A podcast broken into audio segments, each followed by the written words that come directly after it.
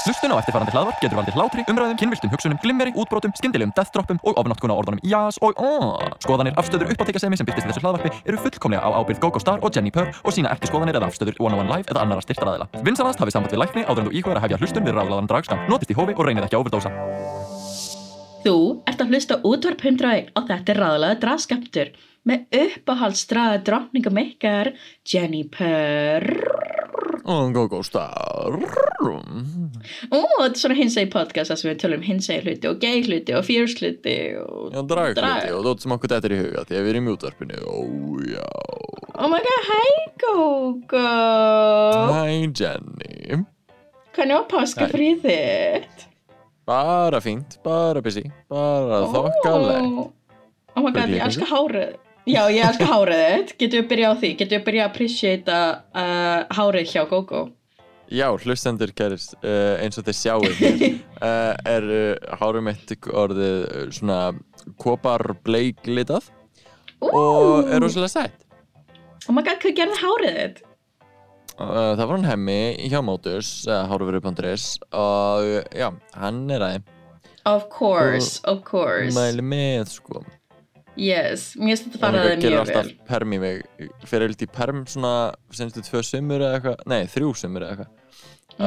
uh, Það fyrir eilt í svona perm á uh, sömrin Og hérna nú er hvað ég breyka Hmm, það gerir verið bleikhærður Wow, gay, Wow. ég. Oh. Ég sko, vanalega er verið að ríja rollur svona um sumartíman en hjá þér er verið að setja í lambakrullur á sumurinn Mér finnst það svona turn the table, turn this around, turn this around já. En já, triggered. En þannig að, ok, ég veit að þú ert algjör súkulaði kona You're a chocolate lady. Þannig að fegst þú Yes. þið páskaegg? Heyrðu, ég held að þetta sé bara Fyrsti páskandi mínir ever eða eitthvað Það sem að ég fekk ekki eitt einasta páskaegg. Bítu, Ég er- bítu, what? Ég er mógaður, ég er sár, ég er súr. Sko, sérst, eitt svona hefðbundið páskaegg þar að segja Þannig að, uh, já, við vorum á mándaginn eitthvað að þvælast í auðnustu minn Þannig að við fórum í IKEA og þar eru til svona páskaegg sem eru, flöt og svona setur þau saman sjálfur þannig að þau standi uh, er bara svona páskaegg kanína úr einhverju mjölkursukulaði og það var næst. En uh, en já, ekkert svona hefðbundið egg og við fórum mér að segja í mat og þá yfir, mjög oft þegar maður í páskamat að þá er svona, ó, og svo fá allir svona lítið egg, úst, í hérna Mm. gildum álpapíra eða eitthvað, með málsætti nema uh, þá bara vorum við upplýst um það bara þegar við mættum bara ekki herði já og eggin voru bara búin í búðinni. Uh, svona litlu eggin. Þannig að ég á svona hérna svona kýmverskar fortune cookies þannig að við ætlum bara að hafa það með páskamatnum þannig að- að þið svona málsátt What? og ég fekk eitthvað að ég ætti að svara með hjartanu uh, Já, sagði. Gogo Já, og Bjarni fekk að hann mun fá trompspil á hendi en hann á ekki að sína það þannig við svona, þetta er ekki alveg málsetturinn ok Þetta er svona póker ráð eiginlega. þetta er svona, já matvæla stjórnusbá Já, bara þú ætti svara við hjartanu, believe in the heart of the cards. You gotta ace up your sleeve, boy, don't show it. Nei, eins og, run, ok, just run menna þú ert þinn eigin vinnustadur, þannig að þú færði ekki páskak frá vinnustaðu. Þannig, Nei, ég, ég, ég, ég fekk ekki páskaegg frá sjálfum mér Ég feilaði svolítið á því Ég tek ábyrgð sem yfirmaður já, uh, frá En endur skoðanda. talandi um samt páskaegg Þá myndi ég alveg skjóta líkin að Mér finnst páskaegg svo Það er alveg krútlegt koncept, skilju En mér finnst það svo innilega ofmetið Mm. Og uh, Og það er, núna finnst- verður örglega einhver ringja brjálaður inn í hana. Já, já, ég minnst það bara Þú veist keftir bara Súkulaði Ég Mm. minnst eitthvað að hafa þetta í eggjaformi, jú þú veist það er gaman eitthvað en minnst það alltaf ekki gott súkulaði sem verður úr því Mm. bara því þetta er svo rosalega fjöldaframleitt og þú veist, mér oxiderast öðruvísi og þú veist, bara einhvern veginn minnst það bara aldrei eitthvað, mmm, páskaegg. Það er alltaf bara eitthvað, ok, páskaegg. Skilur hvað við Já, og svo er það fullt af þú veist, individually wrapped candies inni að því annars verða þeir gett ógæslegir og, og svona súkulega húðaðir það er svona, það er alltaf að vera plastpakkað sem ég finnst alltaf svo bara svona but why, þetta er ein svona, ein svona lítill lakrísstubur, svona ein svona krít af hverju er hún í plastpakningu. Og Já. það, já, bara svolítið mikið einhvern veginn konsumerism og eitthvað svona fluff sem við þurfum ekki á að halda. Já, uh, og getum bara gert betur. Já ég, er, ég er alveg sammála, þetta er mjög óumhverfisvænt, þú veist, bæði er plast utanum þetta, í staðin fyrir bara svona hybrid, svona pappaplast eða eitthvað umbúður og síðan einmitt bara nammið er einmitt inn í egginu líka í plasti og þú veist að ég er algjör nammi ekki ykkur, þannig þú veist eins og ég, ég ákvað að kaupa með páskaegg og ég er actually búin að borða mitt, believe it or not, en allt nammið fyrirlega bara beint í sýstu mínu og, og síðan gaf vinnustæðurinn minn egg og ég var bara, ó nei, nú er ég á annað páskaegg og síðan kemur fadir minn allt í einu með páskaegg handa mér og ég bara, ó nei. Þetta er að þetta er að, er the last thing Við erum að koma norður núna uh, sest, já, bara stuttu eftir þetta taping. Ú, Ó. gaman. Uh, Þannig ég býstu að fóldrar mínu gefum páskegg uh, það allan að kemur ekkert á óvart en ég er svo sem ekki Mm. vonsvíkin að ég fæða það ekki. Nei, en þú veist, þú mynd svara með hjartanu hvað þér finnst um það. Já, ég, ég, ég á að gera það víst En Já. sem eru bara svona í gegnum þína, þína sögu, þína batnæsku voru Ah, ah. páskaegg falin fyrir þér, veistu, var þetta svona páskaegg að hönd sem þú fórst í? Já, allavega í sveitinu, já þá var það alltaf svona mamma myndi fela þau, þú veist og alltaf stöðum sem voru annarkvört super obvious, þannig maður myndi ekki fara að kíkja á þau eða alltaf hátt uppi af því þú veist, við erum all þú veist, 1.60 eða eitthvað í fjölskyldinu þannig við erum ekkert super hávaksin þannig maður var bara eitthvað Yey, ég hefði aldrei séð þetta egg ef við höfum ekki, þú veist, mamma, af því hann, hann mátti enginn borða egg fyrir hann allir væri búin að finna. Og þá myndi fólk gefast upp. Af því ég var alltaf seinust að finna eggi með þetta og ég var bara eitthvað please somebody, give a hint. Af því, af því þú veist, ég var ekkert ógeðslega spennt við að borða eggi þannig allir voru ekkert frustrated að ég var ekki agitated eða þú veist, pyrru að hafa ekki fundið það með allir voru að býða ekki svangir eftir egginu sínu. Og ég var bara Og I don't know. Var þetta þá bara falið svona, veist, að það er eitthvað inn í skáp og eitthvað, eða var þetta svona veist, litlir málsættir út um allt og svona, að uh, uh, ég er þar sem að kalt verður heitt. Og bara, þetta er opni uh, eitthvað, oh my god, nei. Myndi hafa ég fikk svo veist, mamma mín tók þetta alltaf langt sko. ef þú átt þrjú börn öll á svona svipum aldri þú myndi ekki hafa tíma til að búa til málsæti sem eitthvað clues. En við notum þess að teitt og kallt Þú hefur alltaf árið til að preppa þetta? The Hunger Games. Bara páskaegg. En byrju bara og, mamma og, þín og það eru þrjú bætt, það eru bara tvö páskaegg. Bara, sorry. Uh, einn mun deyja. Ah! en byrju Og var hungry. hérna var mamma þín bara all the way með þetta? Já, eða, ég man alltaf eftir eða, veist, þetta er svona frá því að ég er ég veit að ég, veist, fjögur að fimm uh, og upp í Já, svona ok. veist, upp undir fermingar aldur eða eitthvað, það var alveg fyrir lengi. Og það var svona að uh, stundum var þetta bara augljóst en mér varst gekk að svona að ok, og undir kottana mínum er þú veist fyrsti sem er eitthvað svona að þú veist einhver frumsamin málsáttur um að þetta sé í nýjarbylgjöfninum ok, og fyrir nýjarbylgjöfnum það er annar lítill með það er eitthvað ok, þetta, þetta, þetta er það sem mamma gemur prjónadótið. Uh, og svona hleypur um öttir út í bílskur uh, og þetta, þetta hljómar eitthvað sem þú þetta myndir heldur mér pika upp. occupied í alveg nokkra klukktíma þannig að velgert mamma. Já, ég held að það var, ég held að mamma þín vissi að þú þyrftir eitthvað til að, you know, halda þig busy. En ég ég að það sé líka bara svona að eiga inni bara eitthvað sigur sjokkið sem þessi fylgir Uh, Já, nákvæmlega. you gotta, you gotta work for it. Mér finnst þetta rosa krútlega daginn að amma mín, að því þú veist, við eigum uh, fransískinni sem eru út í Danmörku sem eru dönsk. Amma mín á það til að send, já ég veit nei þau, hvernig dyrfistu en uh, amma það til að senda bæði þú veist svona típisk íslensk páskaegg en líka dönsk páskaegg sem ég finnst að við ættum bara að pikka upp að því þau eru mun umhverfisvænari.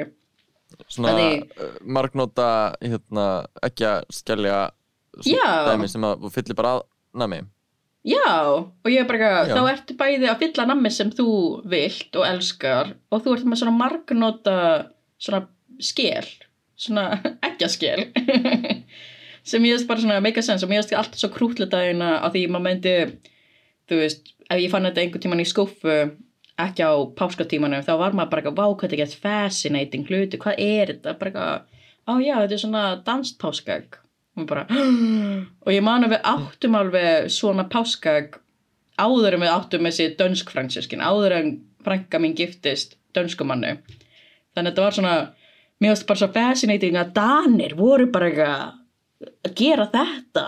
Og ég var bara, byttu en, en það er ekki súkulaðeg og bara, nei. Og bara, eru þau öll í megrun amma? Og bara, nei. En já, ég var mjög fascinated. Ég reynda bara gert það held ég einu sinni en mér langar rosalega að gera það aftur að bara búa til mín einn, að kaupa svona súkulæði form og uh, bara útbúa mín einn og þá getur maður líka verið bara eitthvað, ég ætla að gera, þú veist, vegan súkulæði eða það getur gert svo mikið það sem þú vilt og sett bara það sem þú vilt inn í það og customize það og gert það nice.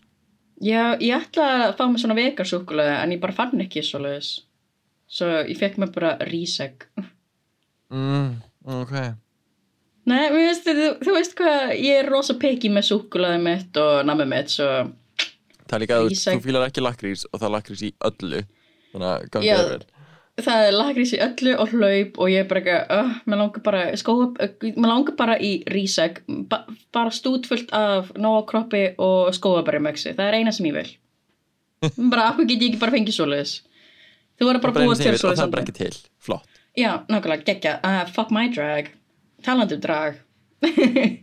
Eigu eigu að fara í smá hvað er að ske Já, hvað er að skeið, hvað, segð mér frá. Hvað, hvað, hvað er að gerast, hvað, hvað er að ok, loksins er búið að tilkynna ein uh, winner, all winners all stars serju Við erum búin að býða og býða eftir nýrri serju af Drag Race. Ég veit ekki hversu lengi. Go, go, ekki go, ekki bara svona neikvæð go, go.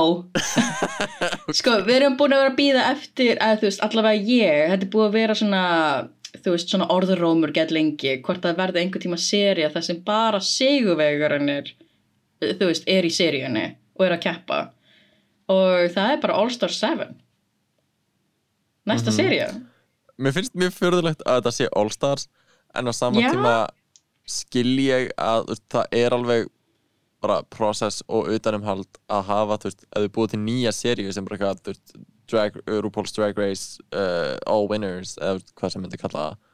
Já, að þá er það, þú veist, það er nýr titill á Represent Plus, það er nýr veist, titill á hérna, Netflix, það er nýr titill í sjónvarpinu. Alltaf það sem eru listir, listar af seríum að þá er þetta svona eitt að báti og þeir geta ekki gert aðra svona seríu strax. Þannig að Nei. ég svona skil uh, af hverju þetta er All Star 7 en það er svo fyrirlegt að All Star 7 sé All Winners og þar af leiðandi um, uh, þú veist, eru All Stars Winners þarna, og þeir eru Já. ekkert fáir All Stars Winners sem eru þarna í nei, nákvæmlega og síðan kemur þú veist All Stars 8 og það er Candy Ho og Sasha Bell þú veist, svona.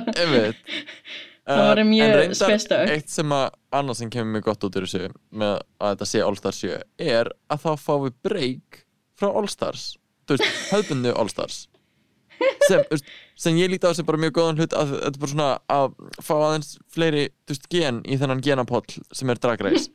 Uh, af því að það verður að pikka fólk í All Stars bara, þú veist, að mínum að þetta er alltaf snemma. Og það er bara einhvern veginn alltaf fáir eftir.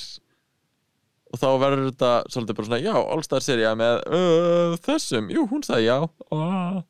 Þetta er sko, þetta er nánast þannig að um leið og þau eru eliminated í, þú veist, hefbunniseríun að bílinn fari ekki með þau á flugvöld heldur fari með þau á næsta tökustað og, Já, bara, næsta set. og hérna ertu komin á All Stars og bara, ah, ok ég er ekki tilbúin af því ég held sko að ég man að það var gert Já. við hérna í All-Stars 2 þá var sérst Katja og Ginger voru bara bókstælið og tóku upp reunionið fyrir seríu 7 og sem var bara eitthvað já og þeir eru búin að fyrir að vera í hérna All-Stars 2 eh, þið komið hérna bara eftir tvær ykkur oh my og god. það var bara engin tími aðna milli. Nei, og Ég- síðan var uh, held ég eins og það með Jan ég held að það hafi verið bara beint á eftir hennar seríu. Svo 12 já. Að því þú veist, fólk gerir ekki ráð fyrir þú veist, já þetta sé þú veist bil á sýningartíma á seríunum þá er samt alveg þú veist, þá eru tökunar stutt á milli. Þú veist, eins og fyrir Jan og fyrir seríu 7 þá er það einmitt rétta eftir. Að því þú veist, ef við erum að sjá eitthvað 2020 þá er það tekið upp sömarið 2021 eða eitthvað.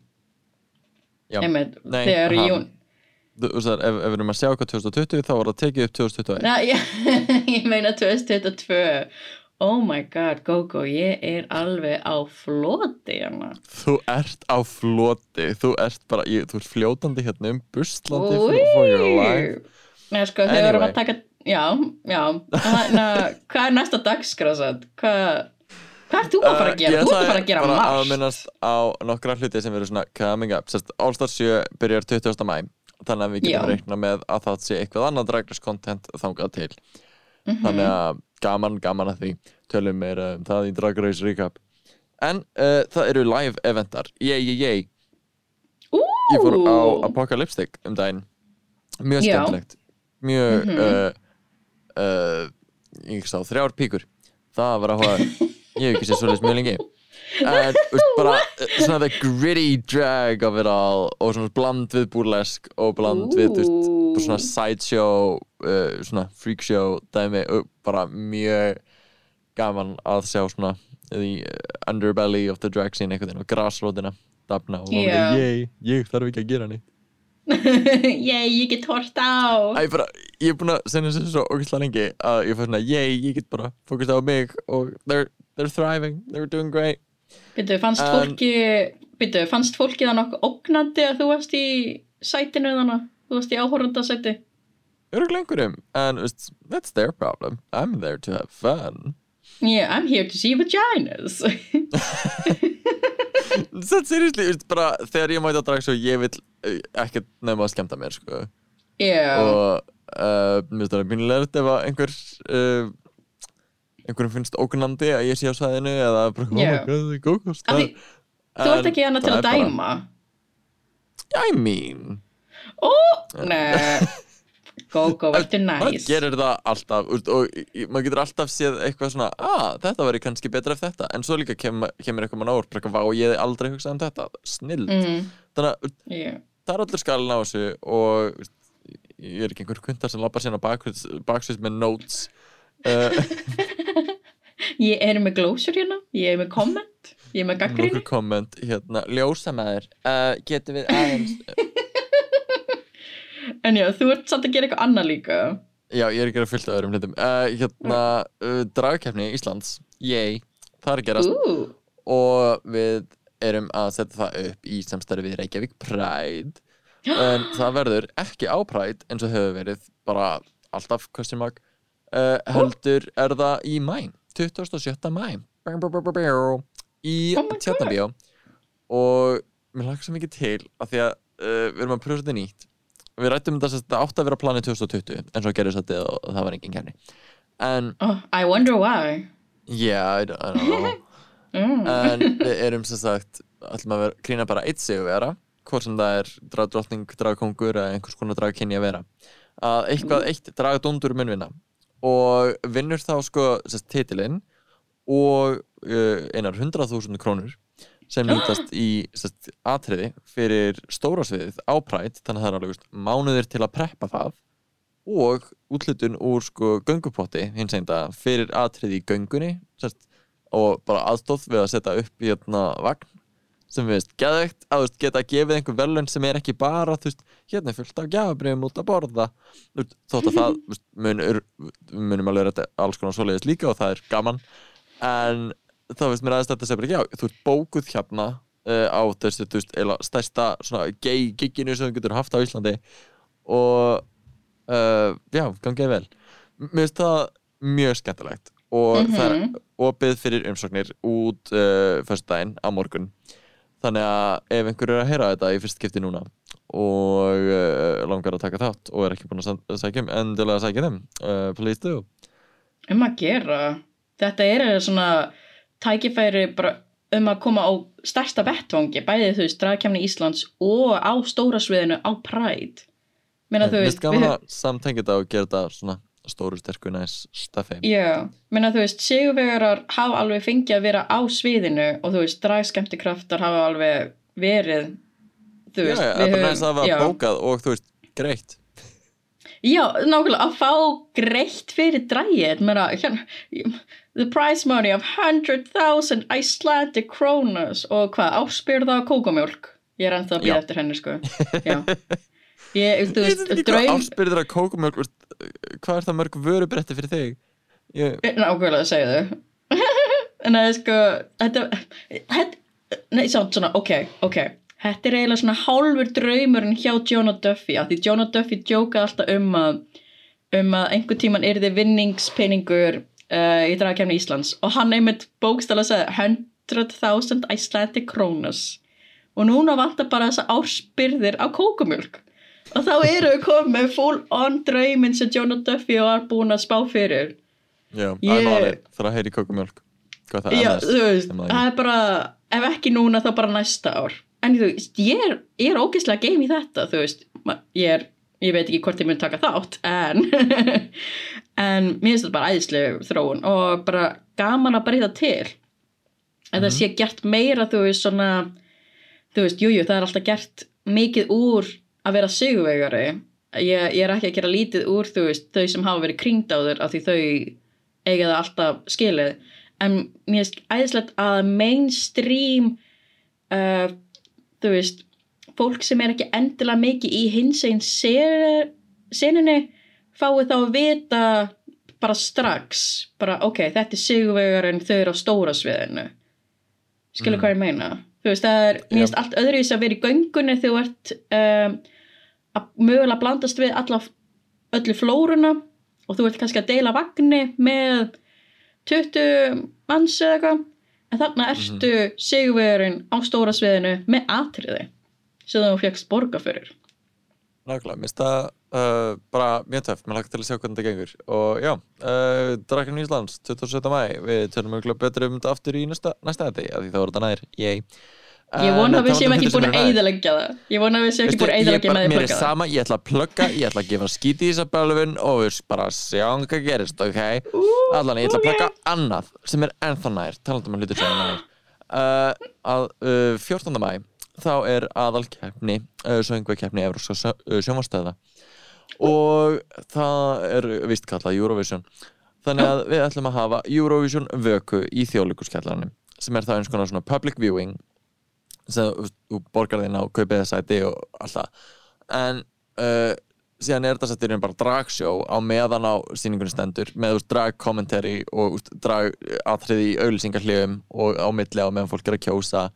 Uh, við ætlum að vera með svona uh, reyna, ég er að berjast að setja upp þetta er svo pínuflókið en ég er að reyna að setja upp sko svona drag nei, hérna, Eurovision klísju bingo. Þannig að allir fást bingospjöld eða þú veist bara í síman og við erum með bara eitthvað, ok, kynnin skipti uh, bara eitthvað, kynnin skipti um í silfurlitan kjóli, yes! Uh, og einhvern veginn svona, ok, og það er risotot hamstrahjól, ok, frábært. Og einhvern veginn að sjá einhverjar klísir eða ó, ok, einhver er að interakta við svona uh, hérna, projection af uh, sjálfum sér. Og vera með eitthvað svona, ok, oh my god, þetta er uh, kona að spila á gítar það eru svona 70 svoleiðis í kefnin í ár oh um, boy.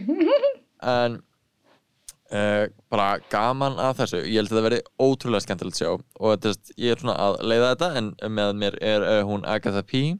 Hún er eina svona Starina. Uh, við erum með Twinkle Star og við erum með Mr. og Mrs. Ramstuklein sem ætlar að koma með allir Ú, og þú ert bara með Eurovision dífunar hérna. Já, og Yes. auðvitað tökum við bara Eurovision nummer og tölum bara um Eurovision og, og svo er ég að plana líka svona eitthvað pop quiz með, uh, með Eurovision. Svona Bíddu, gamla svo- spurningar. Ef maður vill þá ekki hlusta kommentari hjá Gísla Martin þá maður bara hoppa yfir í þjóðleikuskallaran Já. oh my god, yes. Og em, þú veist, þetta verður live show þannig að sé bara svona the next best thing to being there og Mhm. við erum að tala saman við þjóðleikusið og í hérna kokkana þar og við ætlum að kokka upp eitthvað skemmtilegt barsnarl svona, veist, til þess að geta verið með. Ég Og elska að kokka upp. það er ennþá þetta panta, þú veist, bara beint á borðum þú þarf aldrei að fara á barinn, það bara kemur til þín. Mhm. uh, já, ég held að verði bara, þú veist, luxus nice uh, veistlar, sko. Og við ætlum Algjörlega. að setja upp sérst þannig að séu skjáir, þrýr skjáir þannig að allir getur séð gett vel. Og þótt að við séum atrið þá er ennþá hægt að sjá það sem er í gangi það er alltaf verið mjög skemmtilega Oh my god, ég, ég er ógeðslega spennt fyrir þessu. Þetta, við It's gonna be sko. fabulous. Ég, meina, Þetta hefur ekki gert, gert áður ekki á svona grand skala. Ekki svona, nei, við höfum verið með bara Eurovision Dragshow yfirleitt á föstudeginum. Mm uh, eða þú veist, vikuna áður eða vikuna eftir eða eitthvað. Sem er þá bara, þú veist, bara típist Dragshow það sem allir gera Eurovision nummer en núna er Já. þetta bara beint interactive og ekki bara, veist, commentary heldur meira og mér finnst það mjög spennandi. Nákvæmlega, það hefur kannski verið, veist, einhver skjár í gangi og fólk er bara að sitja á bar en þú veist, þetta er, þú veist, you get it. Þú fær sýningu, þú fær að horfa á drag, skemmtikrafta, menna hvað, what's not to love? inspirað samt pínu af sko, hérna, John O'Duffy og Hulli gerðu hérna svona live commentary. Uh, og ég veit að fleiri hafi gert það í gennum tíðina. Uh, en þetta er bara svona það með mun meiru spennandi. Yes, menna þú veist, í anda Jonah Duffys, þetta hljómar eins og Jonah Duffys er dáin, en þú veist. Menna, ég til sakna minningar hans John O'Duffy Já, oh my god. Nei, uh, bara eitthvað, you wanna tip, send Jonah some money. Nei, satt svona, ég er ógeðslega ána, þú veist, ég er að fylgjast með Jonah á TikTok og þið ættu öll að gera það.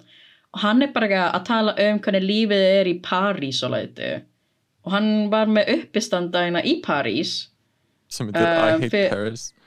Já. Ég er með bara svona að ég kom bara tilbaka. En þú veist, hann getur það ekki hann, ég held að hann getur ekki eins og ferðast út, utan ég held París. hann megi það núna. Það var eitthvað drama með að til þess að megi að vera í Fraklegin þarf það að vera þar x lengi sest, upp á að fá, ekki dvalarleif en eitthvað svona uh, í áttina Að þá þarf hann að vera þarna og helst vinna eða eitthvað í x langan tíma og að eiginlega bara má hann ekki fara neitt sem að var eitthvað svona drama bara eitthvað, ég get ekki farið neitt. Sem er svona En- anstæðan við Íslanda því við erum bara ekki ó, viltu vera hérna, farðu. Burt með þú við að gera að TikTok og auðlýsa landið og eitthvað? Hmm, Oh my getur vel lenda þér, god. Farðu, farðu hérna Ú, hot topic. Oh, Mjög relevant topic indeed. Ó, ég vona hún Hvað finnst þér um vera það? Bara fyrst við erum á þessu Hvað, uh, sko- dvalarleifi, handa fólki uh, Hvað finnst þér að ætti að draga línuna? Já, þetta er hins að í podcasta sem við tölum um dvalarleifi. Nei, sko, Já. með Kjana þá, þá finnst mér hún ætti bara að vera á Íslandi. Mér finnst það mjög stúpid að, að við sem að henda mannesku sem er einmitt að auðlýsa Ísland og bara er, þetta er alveg, sko, ok, hérna kemur þetta, uh, þetta grá, þetta controversial umræðefni um hvort að samfélagsmiðla, samfélagsmiðlari sé alvöru starf. Og meina að mínum að þá fer alveg mikil vinna í að vera samfélagsmiðlari. Sérstaklega þú ert að gera svona mikla framleiðslu eins og Kjana, hún er að ferðast um landi hún er að taka upp, hún er að klippa hún er, þú veist, að mínum að að gera alveg góða vinnu. Og hún er einmitt, þú veist, Ísland græði bara á þessar auðlýsingu, sérstaklega af því hún er ekki íslenski sjálfur sér sem er eiginlega bara næsta þú veist, hún nær þá víðara mengi að mínum að sem svona til ferðamanna. Þannig ég fæ bara svona að við séum að senda nú úr landi er bara fáralegt, sérstaklega því hún er búin að vera svo lengi hérna, hún er eiginlega orðin mjög stór á TikTok bara út frá þessu. So, Já, eðast, ég bara fyrir það mér óslega á þú veist bara varðandi Ísland og dvalarleifi og ég fæli þú veist umsóknum við ríkisborgari rétt Þú veist, mér finnst það bara þetta lukkar eins og mjög óþarfa flókið process með við hvað við Mhm. eigum að vera opinn og frábær og þú veist uh, fordómanlaus paradís en þú veist, svo er svo mikið af einhverjum svona stoppum og maður finnur það bara í umræðin það er bara eitthvað, hvað vil þessi útlendingur búa hérna yeah. maður finnur, það er, það er undirstaðan það er bara að Mhm. þetta er ekki Íslandingur sem að þú vilt ekki að búa á Íslandi Þú veist, finnst mér svona undirstaðan í umræðinni sem að mér finnst svo bara, já, faranlegt anti-feminist og uh, kjánalegt.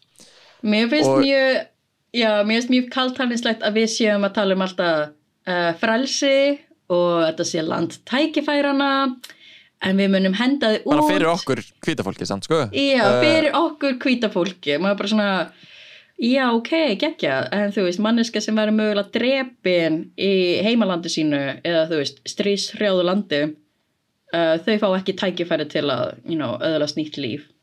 Nei, Nei, nei, nei, nei, að nei, bara- margt betur í það. Já, En, uh, algjörlega.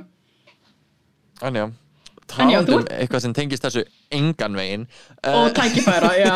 Talandi um tækifæri. Tækifærana. Uh, Tækifæri um, Ég, mér var að berast nýtt uh, tækifæri á nýju gigir sem ég hef ekki gert uh, áður á þessum skala en gaman. Uh. Tengist þessu svo null Já. Gott segway, gott segway. segway off a cliff. Uh, ó já, já ég verð sérst gestakennari í Reykjavík Makeup School núna og er sérst að kenna dragferðun og hlakka mjög mikið til að sjá hvernig það fer. Og það verður vonandi bara uh, þau eru með svona áttavikna uh, annir í rauninni. Mm -hmm. sessions. Og ætlum að byrja bara á einni og sjá hvernig það gengur. Og mögulega verður úr þessu sko að því að bara það er búið að kveikna freka mikill áhugi á dragmakeupi og dragmenningu og eitthvað. Uh, og gaman að geta komið því inn í eitthvað, þú veist, bara svona formlegt nám eins og, þú veist, bara make-up nám er. Nákvæmlega. Og uh, gaman að geta komið því inn. Og en ég er búin að heyra frá mörgum sem sko eru búin með skólan eða búin með, þú veist, mask, make-up academy eða eitthvað. Og eru búin að, að, mér langar í meira drag. Þú veist, er ekki að fá bara drag eða bara special effect eða eitthvað. Þannig að það er hugmynd Mhm. líka að setja þá mögulega upp í framtíðinni uh, ef þetta gengur vel að setja þá upp, eitthvað sem væri kannski bara helgarnámskeið eða eitthvað svoleið sem er þá bara meira intense drag eða meira intense einmitt special effects eða eitthvað svona meira sértækt innan make-up heimsins Algjörlega, mér finnst það- þetta líka að gefa ákveðna viðurkenningu að dragförðun er ekki bara, þú veist, hefbundir förðun að því þú ert að mála fyrir sviðsljósi, þú ert að mála fyrir áhorandasal. Menna, þú veist, beautyförðun og glamförðun og þú veist, fashionförðun er, þú veist, alveg velit hlutur og þú veist, það tekur alveg tíma að læra það. En mér finnst það eins og að sé alltaf svona, já, dragförðun, það er bara pff, uh, smeltaði gæði miklum eyeliner og stórum augnhárum með fjöðurum and you're good to go. Bara ekki, nei, þetta er aðeins mér, þú ert bókstala að umbreyta andliti. Þú ert að stækka andlit. Þannig að fólki sem er bara að lengst teikna aftur nýtt getur sér. andlit á einhver, eitthvað annað Og- veist, og líka ekki á flatt um, á ekki á pappír. Þú ert bókstala að teikna nýtt andlit á þú veist sjövítar flatarmáli. Þetta er hvað ég meina. Æ, er bara þrývítaskan en ok. Nei, sjövít. You gotta think big. Galaxy brain. Ég, ég hugsa Yeah. bara svona sjövít sko. Mér finnst sko uh, ennþá bara uh, talandi um einhvern veginn svona drag, make-up trends og hvernig það skila sér eventually, just, bara, just, allt þetta contouring dæmi og hvernig það kemur eventually, just, ja, kemur upp svona úr leikhúsunum Mhm. og fer síðan í svona just, pro make-up artistana sem kunna þetta uh, og svo einhvern veginn spyrst þetta út og núna eru allir á ammaðir að kontúra Ó já, oh my god ef, ég myndi fá tíkall í hvert skipti sem einhver beður um kontorstifti og ég bara eitthvað já, þetta er reynda bara stifti fyrir þú veist, að því, ok áður þú veldir áfram, ég, ég þarf að venda. Ok, ek, ef er ek, ef varan er ekki specifically markasett sem kontorstifti þá finnst mér að mjög uh, mjög lágkúrulegt af fólki að ætlast til þess að make sem er dekkra heldur en þú veist uh, ivory eða tan eða eitthvað að það sé eitthvað dekkra en þú veist tanið þitt sé konturstifti. Þú veist þetta er förðunarstifti uh, í sama húðtón og manneska sem er dökk á hörund. Þú veist svört manneska þú veist bara því þetta er förðunarstifti sem er þú veist í sama húðtón og svört manneska þýðir ekki að það sé konturstifti. Þú getur notað það sem konturstifti en ekki lappa upp á mér og byggja um konturstifti og benda á langkom tent ultraver stiftið sorry, ég er bara, mér finnst mjög svona entitled af hvítu fólki að segja að dökk stifti, make-up stifti séu konturstifti já, nota það sem kontur en ekki allast til þess að og ekki, ekki kalla það konturstifti nota það sem konturstifti en ekki kalla það konturstifti nema fyrirtæki sjálft markasetjur það sem konturstifti bara mér finnst það að vera svo entitled að hvítu fólki að líta á dögt stifti bara já, er konturstifti búið? Maður er eitthvað, nah bitch, veist, þetta er þú veist, þetta er make fyrir dögt fólk sem, sem hvítukonun er að kaupa sem konturstifti og þess vegna er ekki til dögt make fyrir konur sem eru actually í dekkri dek, í dekkri kantinu þú veist þú veist núna hljóma ekki Já. að hypocritical af því veist, við notum krælon stifti í dökkum tóni sem konturstifti en ég kalla það aldrei Krælon svo sem annað, þú veist, við hefum líka Já. alveg rætt og veist, bara, Já. það er leikursmeik Já, það er leikusmeik sem kemur öllu skala en mér finnst bara svona ekki taka dögt meik og segja það sé kontur þú veist, þetta er dögt meik fyrir fólk í dekkirkantinu ok, rant over, þú varst að segja mm En já, bara uh, Já, punktur, allar sko. ömmur er allar ömmur að núna kontura Já, bara, veist, hvernig drag uh, tekníks og tricks hafa, veist, farið inn uh, líka varandi bara, veist, lashes að, bara hvað lashes er einhvern veginn búið að springa út sem thing og, stærri og meiri og að setja það á, ekki alveg á, til að hækka upp og minnst svona uh, the soap brow thing sem lítur inn út eins og svona fyrsta skrefið í, dra í dragmakeupi sem, veist, að oh my god, já. Finnst það alltaf eitthvað svo silly þegar veist, allir með eitthvað svona ooh, feathered brows eða fluffy brows er, þú ert búin að líma niður augabrúnuna þér. Mm, Já, þetta, þetta, þetta er bókstala við að gera okkur til. Þetta er leiðilegast að skrefi í dræju Það er að líma niður augabrúnir Og fólk Já. er að bara Já, bara, personally I don't get it but you do you boo menna, Allavega. Sunnef Eva, no hate En þú veist, já. Jú, jú, pínu hate and it's whatever. Já, menna, mm, ok. Menna, þangað til þú ert í Instagram posti með Sunnef Einars Þá eru við haters. Toads Toads, nei, satt sér að, já, so browse Mér finnst einmitt svo fyndi hvað um, Það er alltaf, þú veist Mér finnst alltaf fyndið að sjá Instagram stelpur sem eru eiginlega bara svona mála sig eins og Georges eða mála sig eins og bara bara eiginlega eins og dræðdrókningar og maður bara svona ég, ég, ég er ekki móðguð fyrir hönd dræðdrókninga, þetta er meira bara svona bara wow, hvað við erum búin að blörra línuna, hvað er, þú veist dragförðun og hvað er förðun eða þú veist, hvað er einstaklega. En já. En þú verður Mér finnst gestakennari sko- mér finnst fyndið að ég er að sjá núna á TikTok að fólk er að gera kannski fólk á okkar aldrei er að gera kannski eitthvað, oh my god helmingurinn hvernig ég gerir make-up mitt í dag og hinn helmingurinn hvernig ég gerir það 2015 og eitthvað, ó, ég var svo mikið skinka og maður eitthvað, nei þú veist bara að mála þig eins og allir málaði sig þá. Uh, já, með, þú, og þá var bara ekki jafn mikið Já, veist, það var bara allur matti uh, allur matti var farði. Já, uh, allur, allur farði var mattur einhvern veginn. Þú veist, ég man hvað var crazy einhvern veginn þegar uh, the dewy look kom inn og Oh allir bara eitthvað afsakið við erum, að, við erum með matt hér, Korea, slappað af. How dare you, how fucking dare you with your glass ass slugging, I don't think so. Og ef það er ekki liquid lipstick then I'm out of here. Nákvæmlega, og veist, allt matt allt, uh, þú veist, rosa stórt og einhvern veginn svona grafíst og bara allir að mála sig eins og dráttöfningar og já, já. veist, segjan fyndi þegar bara, ó, draga make-up er svo mikið. Maður bara, eitthvað, sure, þetta er ekkert það mikið meira, sko. Nei, menna þú veist mm, já, mm, svona, já. Sem ekki að fyndi en, Já, þú veist, sem er satt svo fyndið þegar ég sé dragdróningu sem er eiginlega ekki ekstrím og þá er að tala, þú veist uh, plastic tiara, uh, pheromone eða eitthvað, veist, sem er bara eitthvað, that's just the lady Já, og síðan sér maður, þú veist, sama andlitið, þú veist, á Instagram og maður bara ekki, oh, that's a drag queen. Þetta er svo, þetta er svo fyndið hvað þetta er svona, hvað er nógu mikið og hvað er of mikið, þetta er, þetta is crazy. En já, mér finnst æðislegt að þú sért að vera gestakennari í make-up skóla og þá er þetta einmitt svona ákveðin veðukenning að dragförðun er ákveðin list sem þarf sérfræðing til að kenna. Já, að, ég, ég veit ekki hversu oft ég hef mætt einhver starf á set og bara, ekki, já, við erum með förðunarfræðing og maður bara, eitthvað, uh, ok, ég er að fara að gera mitt eigin make-up, takk Yeah, Eh, yeah, því að don't you dare touch Það eru me, bara ekki snerta mjög mig. fáir förðunarfræðingar sem hafa, þú veist, í fyrsta lagi reynslu Mhm. af drag-make-upi og eiginlega alltaf því ég mæti einhver starf og það er förðunarfræðingur, ekki til að gera eitthvað lítið á þeim, en veist, það er mjög oft bara, ó, vá, ó, hvernig gerður þetta? Ó, vá, get töff, hvernig þú svona, maður er að sjá að það er eitthvað nýtt eða eitthvað sem Já. er, þú veist, óþekkt. Og ég fæ svona, mér langar ekki að ég sé frumraun einhvers uh, make-up artista fyrir síðan sjónvarp eða eitthvað.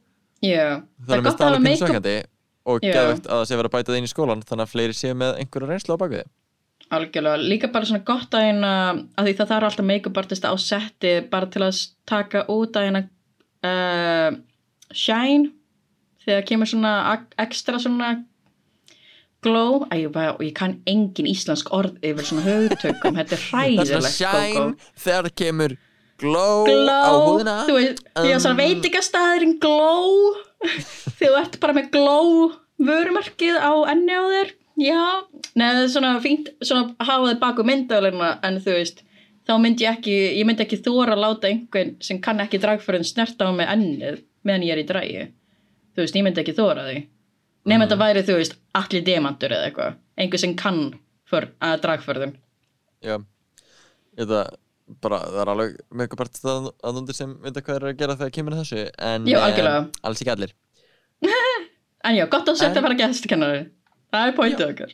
Það er aðeikt Og uh, ef við ekki að skella okkur í kannski eitt stykki Drag Race Recap.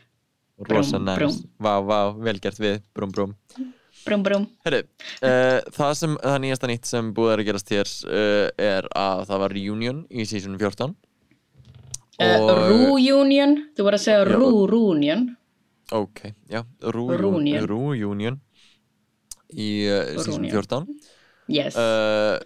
Hérna versus the world er búinn og já, við erum búin að tala um endan á versus the world? Minnir það Allavega heimurinn endaði mjög spes. Já, by the way, við erum eiginlega ekkert búin að minnst það. Við náðum ekki að taka upp í senstu viku. Sorry about Já, it. út af Uh, páskafríu yeah, we were busy and booked and couldn't make it. Booked and uh, blessed, apparently. ah. Yes og bara, já, reynum samt að halda okkur við Jú. uh, tökja okkur dæmi en bara. Já. En já uh, Reunion, ef að tala um þetta Unhinged Reunion Class of Queens. Mér leið eins og jötna, RuPaul var einhvern veginn bara svona var hann bara til að instigata? Þú veist, hann var til, bara með einhver svona callcard sem bara, ok, þú varst að reyfið þennan út af þessu og veistu hvað? Það er ekki búið að komast til þessu. Rífist. Rífist Já, tárastu Grænja það Já. einn, geðveikt, já, halda áfram. Sust Jasmine, það snýst ekki um þig. Carrie, halda áfram að tala Já, Já. þú ert svo aðeinsleg Já. Sko, ég held að RuPaul Þú veist, Ru, þú veist, þú ert þáttastjórnandi og sérstaklega þú ert svona uh, panel director þá er rosa mikilvægt að ég með gefa fólki svigurum til að tala. En, en mér fannst einmitt RuPaul einmitt bara svona henda þú veist, eina baun og vera bara eitthvað, jæja, hvernig mun þetta koma út? Þetta er svo Mhm. þú veist, þetta var einmitt svona á tímapunkti þá er ég bara eitthvað, oh my god, RuPaul getur aðeins að slaka það, slappa það af með, með að vera svona, you know hita í öll kólin, en þú veist, til þess er þessi reunion, það er þetta drama þetta er svona erum við með eitthvað sem er ekki búið að leysa og Þetta er svo rosalega einhvern veginn eh, tvíþætt þegar ef, fólk er rosalega misskipta á þessu því að ef að það er ekkert drama ef þetta er bara Mhm. veist, þau að ríkapa Season segjuna níu. og segja hvað gerist þá er þetta umulega leðilegt þá er Mhm. þetta drefleðilegt að horfa á uh, en ef það er drama að þá þeir verða alltaf að rífast uh, það er að vera drama mm -hmm. já, það er sjónvastátturinn það er það sem selur þetta og nákvæmlega. Jú, þetta þarf ekki að vera eins prodúsað og þetta er, veist, maður getur hort á þeim, ég er byrjað að horfa á Drag Race Espanja og Ooh. þar er bara þær eru á svo allt öðru leveli þegar kemur að sko uh, bara að vera þær sjálfar í dragi. Þær eru ekki að lappa inn bara eitthvað catchphrase, day one. Ég, ætla, ég er búin að prenta t-shirts with this catchphrase, that's why I'm saying it. Þær eru bara þær sjálfar og einhvern veginn allt leikur út og Mhm. að þeir eru allar að rífast á spænsku þetta er svo hrattust, textin hefur ekki undan og ég er bara, "Ah," að reyna að lesa. Þetta er, þetta er rosalegt. Bara, bara þeim gott þetta er ekki textavarpi þá væri manneska bara, að bara fá you know, og ég að eftir í, í uh, Spanja að sko að að tala svo hratt að það er mun erfiðara greinilega fyrir editoruna að edita eitthvað svona Frankensteina setningar saman eins og er oft gert Ú, að good þetta er erfitt að taka eitthvað í sundur og setja það annar staðar að því það eru bara eitthvað mér finnst það svo interesting að það alltaf verða mun lengri setningar sem eru mun meira specific heldur við höfum oft að uh, heyra á þér þannig er ekki bara eitthvað mm, Jasmine Kennedy is a bitch sem gæti að verið sagt hvena sem er. En það var bara eitthvað, hún var í þessum kjól hún leit svona út og hún er tæfa einhvern veginn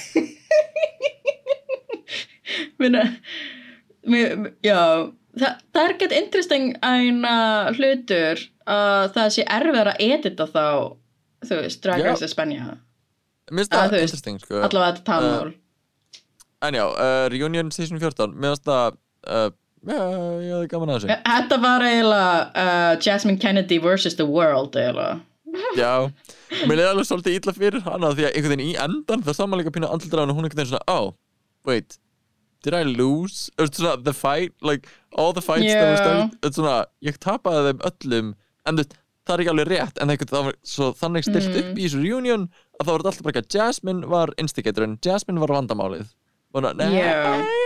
það Nei, er Sko, þú veist Jú, hún er kannski ekki á þrosku þegar kemur að, þú veist, að koma sér, you know, á framfæri, þú veist, í samskiptum eða Mm. eitthvað, en meina, ég myndi örgulega vera svipa, því ég væri örgulega svo, þú veist, ég, myndi örgulega finnast þetta svo yfirþyrmandi, ég væri bara, ok, nú þarf ég einmitt, það er myndavilar konstantli í gangi, ég þarf að fá mig screen time, ég vil líka, þú veist, kynastöllum, ég vil að fólk muni eftir mér, þannig ég væri örgulega bara með munnræpu 24-7, sko. Þannig, þú veist, ég, ég er ekkert eitthvað þú veist, ég kenni hana ekki um að hafa talað svona mikið. Og meina að þú veist, við, við höfum verið baksviðs með öllum drag skemmtikröftum þar sem allir eru með stóra persónleika og maður er að reyna að koma sér inn í umræðefni, þú veist, inn í þessar samræður. Og þá þarf maður kannski að tala yfir einhverjum. Eins og við höfum kannski mögulega að tekið eftir í okkar sambandi þú átt að til að hoppa inn í what, Hvað áttu sem ég er að segja.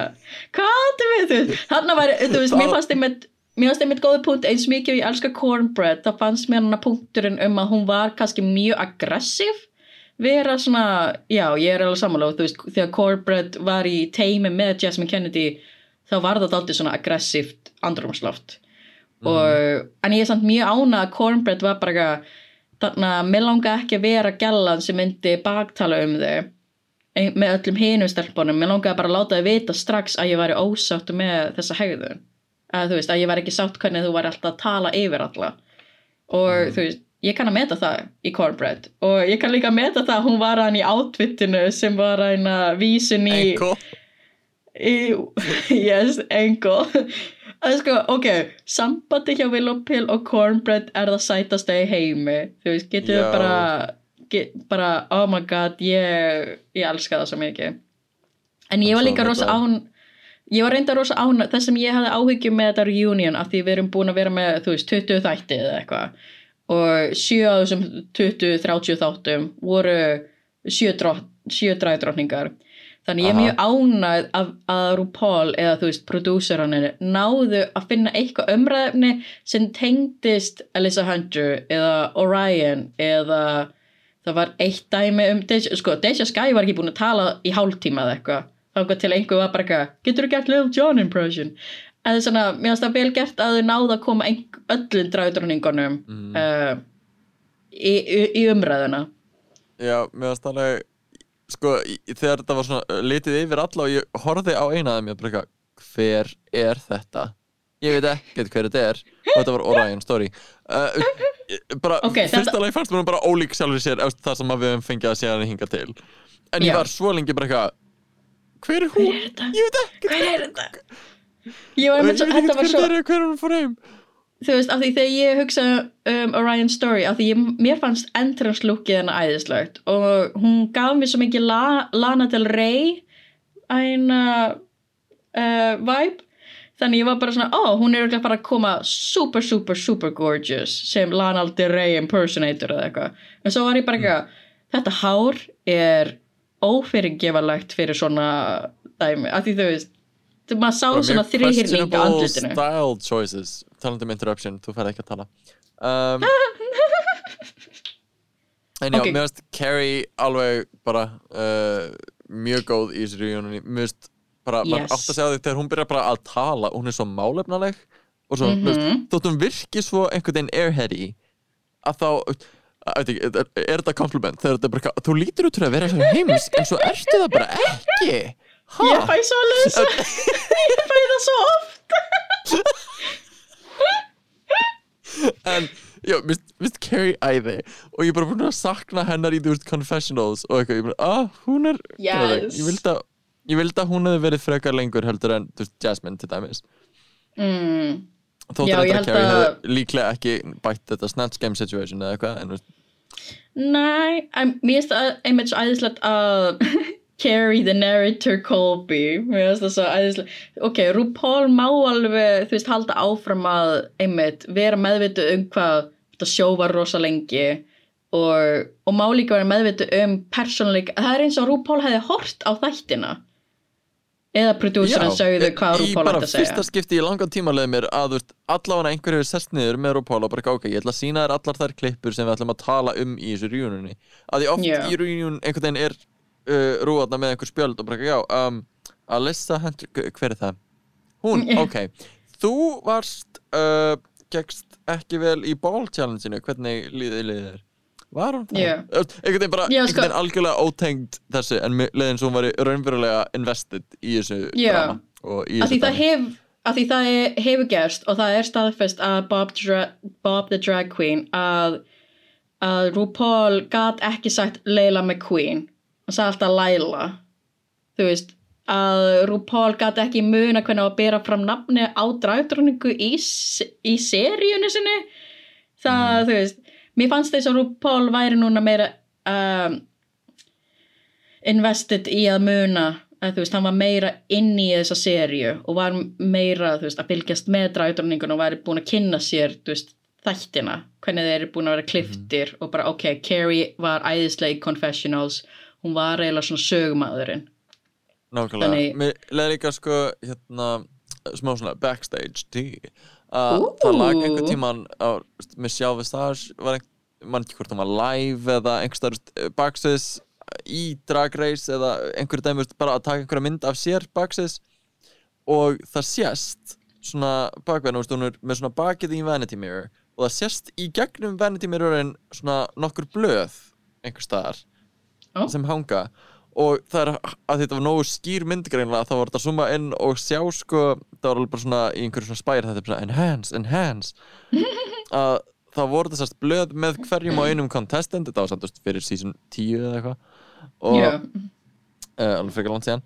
Og veist, það var bara svona veist, mynd af viðkomandi og veist, nafnið og síðan svona þú veist eitthvað örgulega bara svona helstu attributes uh, veist, fjölskyldu baksaga uh, bara svona punktar yfir svona umræðu punktar sem tengjast þessum keppanda sem ég finnst svona girl. I mean it's reality TV and that's probably what they needed og, og fyrir hérna, aðaldómarana til að geta verið í fyrstu þáttan bara eitthvað, já, um, Willow Pill ó, ú, þú ert með eitthvað svona hördunarsjúkdóm, já, flott grænjaði Hot.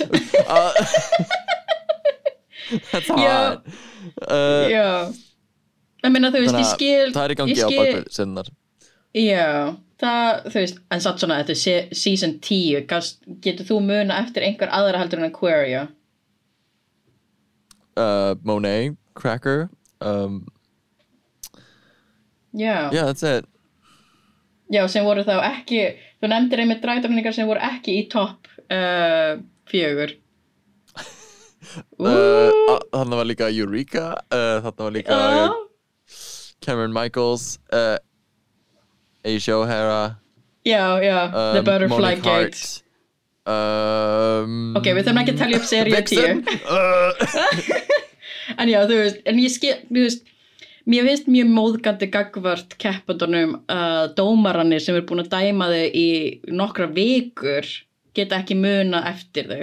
Þú veist, Já, geta ekki muna svona basic hlutum. Og minna, Willem sagði, Willem hefur líka talað um opið skátt að framleiðendinir, fólki sem er, þú veist, að taka upp, er bara eitthvað, á já Latrice Ro- Royale, the, the big black one eitthvað svo yeah, lost something. Uh, já, var þetta svona uh, hvernig dyrfistu en reyndar þú veist, til að verja uh, World of Wonder hérna aðeins að þá er margt að því sem Willem talar um en þá í dag gerðist í season 4 já, og það er eina þú veist baksins dæmið fyrir utan Drag You sem Willem hefur reynslu af og getur persónlega Mm. talað um. Þannig að mér finnst þessi svolítið dated information fyrir sérskap á tíu árum. Meina, gæti Uh, verið að þetta sé kannski allt annað tökulið á þessum tíma og kannski er núna búið að vera sama tökulið sem er meira í þessari menningu. Æ, ég vona mér það. líður allan eins og þessi svona uh, á betri stað með þetta Já, ég vona um þetta reu reunion aftur við fyrir alltaf að tala með kana. Uh, Já, hérna, þú varst með uh, sterkar tilfinningar varandi Georges uh, og talandi um að vera drop out úr, hérna, úr skóla. Já sko, og svona okkur lítið einhvern veginn glorifya það sem svona, já, þú veist, það virkaði fyrir mig og ég er successful dráttarning og skemmtikraftur og ég er bara svo búkt, ég hef ekki tíma til að tala við neitt úr kastinu. Já, sko ég er með svona, ég vil ekki að fólk miskilur það að að, hérna, að ég sé eitthvað rosa hlind því að allir þurfa að fara í skóla allir þurfa men, mentun mentun er mjög mikilvæg. Yes, ég er the forréttanda pjössin sem getur verið í háskóla. En það var eina þú veist, að því hæskóli er bara framhaldsskóli og sérstaklega á Íslandi þá er framhaldsskóli eiginlega bara svona, ok ef þú ert ekki með framhaldsskóla mentun þá er rosa erfitt að koma þér að framfæra á vinnumarkaðinu. Ég er ekki að segja að það sé ekki hægt alls ekki, ég vil ekki gera lítið úr því. En Georgius að droppa úr, úr framhaldsskóla og hafa aldrei tekið próf í vísindum það, eða þú veist náttúrufræði þá. Mér finnst það svona af því hún er þessi litla prósenta sem er dropout sem næra meika það í framhaldsskóla. Og þú veist, og þau, töl, þau jókuðu alveg um það á setti að mjög margir í Drag Race þú veist, ég man ekki hvort það var Michelle eða einhver sem var líka þú veist, að dæma róst eða eitthvað var að jóka með bara eitthvað já, ekki ég heldur. Eða þú veist svona, ég er líka, ég er ekki skóla heldur. Eða þú veist, ég er ekki mentuð það er, þú veist, ég er ekki að segja sé að vera að glorifæja en ég hef samt svo áhyggjur um að fólk sé það bara ef hún getur það þá get ég það líka og meina við þurfum bara að vera rosa raunhæf þetta er lítil prósent, þetta er bara eins og Jake Paul á YouTube sem ákvaða einmitt að glorifæja allir ættu að hætti í skóla og byrja bara að vinna á YouTube það er svo lítil prósent það er líka orðið sem meikar það ungs fólks uh, eða spyrir veist, hva, hvað viltu vera þegar þú verður stór einhvern veginn, mm Mhm. -hmm. svo spurning uh, það er alveg vaksandi prósenda sem er bara veist, youtuber, influencer þú veist, ég vil Já. vera fræg manneskja á samfélagsmiðlum. Meina uh, veist og, sem er alveg bara, Já, já, já, það er ekki fræðilegur að flest ekki að ná því en uh, good luck to you all. Meina þú veist, þú ert eina starfandi dræðurning á Íslandi en þú ert samt með þú veist studentspróf og þú ert markumiljónafræðingur ég Það er bara svona- í margmenninu fræði þetta er svona þú veist, ég vil ekki að fólk horfi, að þú veist, ég vil að fólk horfi á Georges og verði fær innblástur en ég vona að fólk sé ekki bara hætt í framhaldsskóla og haldi að það sé auðvelt að vera drætturning það er ekki auðvelt Mm. að meika það. Að þú veist, Og líka bara, Georges er með bara svo innilega mikið raw performance talent og svo mikinn sjarma sem hann gæslar út. En á saman tíma, þú veist, ég var einhvern veginn ekki búin að kveika því að hún veist, að drop out og veist, mér langar heldur ekki að vera eitthvað að það er glatað en veist, mér finnst það alveg sína sig, veist, það er fólk sem er á sama aldri eða yngra en Georges sem var í þessari seríu Mhm. og er mun, hvað maður segist, málefnalæra og Já. ekki bara þegar kemur á rósti að skrifa djóka, á ég læri það ekki í skóla það er ekki það, en það er líka bara getur, getur ímdaðir Georges að tala við, unga uh, the portrait of uh, younger self sem var, þú veist, fyrir þreim vikum eða eitthvað, bara mynd af Georges eins og hún er í dag hvað sko hún að segja við unga Georges uh, að, þú veist, ég held að það hefur verið bara eitthvað að slay, queen bo bossy boost, boots the house down yeah. queen Þú því ég held að það hefði Georges- ekki orðin eitt af því Já. að þú minnst að pínum vanta ákveðna Mm. bara svona félagsfærni sem að Já. þú færð veist, sem að er að mínum að þetta er eitt aðaldæmið sem þú færð úr skóla. Það er yeah. þetta e, veist, að læra að bera þig og að læra einhvern veginn að interakta við aðra og vinna með öðrum að, til að afla upplýsinga og vinna verkefni og bla bla bla. Algjörlega, það er ekki bara, þú veist, gráða sem þú færð úr ská, skóla, heldur líka bara, þú færð reynslu, þú þarft að vinna með mismændi fólki, þú þarft að skipulegja því, það er svo mikið af hluti þú lærir í skóla, hljómar eins og við séum bara eða menntaður, upphefja fokkaður. skólakerfið. Ég hata það by the way. Ég- Þú ég hata- Ég er alls sko, ekki hlindur því að fólk er allir eiga að fara í háskóla. Nei, ántjóks, háskólakerfi er svo kapitalíst og ég hef alveg talað um það oft í þessu podcasti, ég veit ég jóka alltaf um að ég sé háskóla, þá er háskólakerfi, sérstaklega Íslandi, mjög kapitalíst og stjættaskipt og þú veist, það er ákveðin forréttindi að geta verið í háskóla þess að uh, fara í brjálaða skuld, þú veist, ég, já, ég er í brjálaða forréttindastöðu í háskólanum, þannig þú veist, ég er ekki, þú veist, að gera lít, ég vil ekki gera lítið úr því að sé um, þú veist, þetta er ekki aðgengilegt. Og, en ég vil samt að fólk sé ekki að horfa Georges og vera bara eitthvað ég ætla bara að meika það líka. Af því það, þú, maður verður að vera raunhæfur. Og bara stay in school Ok, but do boomer. drag, ok en menna ég er alveg til ég, þú veist ég er allt, þú veist, you know ég er alltaf til ég að rífast, nei ekki rífast. Ég, ég var alveg til ég að ræða við þetta fólk af því þú veist, ég þekki alveg fólk sem er super mála, málefnalegt og er bara með grunnskólamentun það er, ég er ekki að segja þau séu eitthvað Já, veist, líka bara lærir helling veist, uh, bara í, í vinnu og á götunni og veist, það allt saman En ég held að bara götunni, what the fuck Ég var að reyna íslenska ég, ég var að hugsa veist, on the street sem bara svona, veist, svona being streetwise við köllum Dæmi. það skóla lífsins Ég hata það hugtak by the way. Ég er student í skóla lífsins. Maður bara ok Barbara Það þýðir að þú átt tvö bett áður um varst 20 Úst, Hvað erum við að tala um hérna? Úst, girl. Sorry Ég- Mér finnst það bara svo kjánuleg it's, it's true. Þú veist, ég vann á sjó og ég á þrjá krakka sem ég hitti aldrei. Skóli lífsins. Nei, þetta er ántjökk Tinder profile Dog walking your dad over here. Uh, Nei, ha, nei Þetta er, what? Nei, það er ekki þannig. Takk þetta tilbaka, þú, þú þekkir uh, minn. You'll wait já, sorry, until my er- father hears about this. Er ég cancelaður eins og hérna hún Þér er ekki bóðið í Björk? kvöldmat. Ok. Þér er ekki bóðið Já, þér er ekki bóðið í kvöldmat núna. Ég vil ekki fá þig norður, fokkaður. Ok. How dare you. Nei, ég Eh, elska Það þig. var bara komið jæja held ég. Uh, Já Þetta endaði með að ég elskaði hárið og núna er ég bara, nei, ég vil ekki sjá þig. Don't wanna see your face. Nei, ég elskaði og ég get ekki beðið að þig. Kottu norður, kottu núna. Yeah Gaman, Yay. gaman, gaman Heyri, Ok. takk aðeinslega fyrir að hlusta og við verðum komin við vonandi eftir þetta í tvær ykkur og höldum áfram að tala um drag og drag race og eitthvað skemmtilegt. Ok, ok, bye.